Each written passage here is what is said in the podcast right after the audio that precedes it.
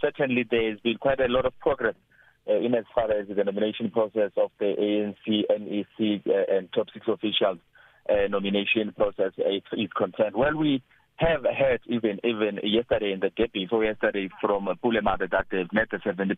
threshold. More than 2,700 branches have had their meetings. They've done their nomination processes. What's left now uh, in eh, eh, a, in as a, as a, as in in in as means for a way forward it's now for Khalema Mutlante who is the chairperson of the election committee electoral committee in in the ANC to actually consolidate the list uh, there's going to be a vetting that is going to take place people are going to have to declare uh, their donations as to who, who who's going to be giving their donations who even who went as far as hearing that uh, they're going to have access to bank accounts of those who want to be NEC members, including those who want to be elected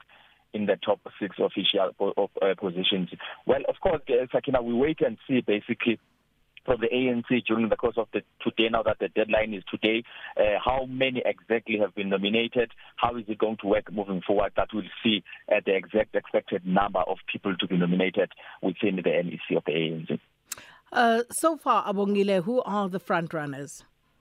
Well, we've seen, uh, surprisingly enough, in the early hours of this morning, the NYPT National Youth Task Team uh, they've actually released who they prefer they will, they prefer to actually appear uh, on the ballot paper and of course the, the part of the top six officials we've seen that they would like Zwelin Mkhize NEC member of the ANC to be the next president uh, are nominated of course along uh, Dr Nkosazana Dlamini Zuma and of course at, at the incumbent Cyril Ramaphosa uh, and of course we've seen that they are wanting Paul Mashatile to be the next deputy president unopposed uh, there's not even a contender uh, in as far as competition is concerned and for, for that position position. Fikile Mbalula coming up quite strongly uh, for the Secretary General's position and of course uh, he will be up against uh, Phumulo Maswale who's also an NEC member. We've seen the name of Nomvula Mokonyane as the Deputy Secretary General coming up and of course uh, Phoebe Potgieter Gubule as Phoebe Potgieter Gubule uh, being being uh, a, a contender there. So we wait and see then uh, of course uh, what's going to happen come the the 16th of December. We've also seen a couple of weeks ago of course KZN uh, also nominated electing Zweli Mkhize to be the next president and of course uh, Phumulo Maswale to be uh, the next secretary general. Deputy President uh, David Mabuza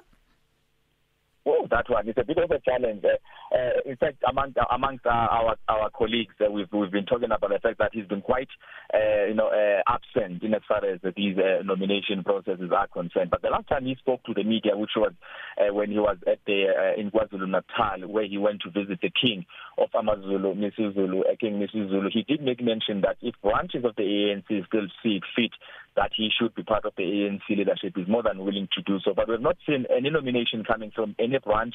uh, except a few in Bumalanga, which don't really uh, make up the threshold that we always talk about that would see him, uh, you know, uh, taking part. But he did surprise us in 2017. I'm sure you'll remember that uh, the, the deputy president position, which he ended up uh, getting, was a, was a huge surprise to a, a lot of people. So it, you, you never know how what his strategy is, uh, uh and and he always surprises even ANC members themselves. So um this of course uh, Abongile uh, gives the party the green light to hold the 55th national conference on the 16th of next uh, 16th of next month as they've indicated they will start. Um but what happens next in terms of the process? Now according uh, to Khalema Mutlande's uh, communique they're going to take all those names that have been nominated first and foremost look at them scrutinize them uh, check out uh, because uh, each and every candidate now they'll be out campaigning the, the, the last couple of weeks before the 16th campaigning so they, their campaigns who are going to be funding their campaigns who are going to be donating for their campaigns they'll have to declare that to the chairperson of the committee Khalima Mutlante and of course that's that's going to cut across all those who want to contest including for the uh, top 6 officials I've also heard uh, eh, Mam Nkosazana Dlamini Zuma a few days ago saying that she's yet to receive a letter that actually gives her that order but certainly it will happen where uh, all those who will be participating including NEC members again they're going to have to declare there's going to be scrutinized financially uh, the, the the electoral committee is going to actually go as far as going to their bank accounts to so that one can account for each and every penny that is found in their account uh, that's basically what's going to happen building up to to to, to Nazareth while the campaigning now is being intensified. Well, we wait to see. Abongile Dumago, thank you so much. And a uh, few hours left yet uh, for this particular process. It's the final day for ANC uh, branch general meetings where members can nominate um, candidates for uh, the top six officials of the party as well as NEC members.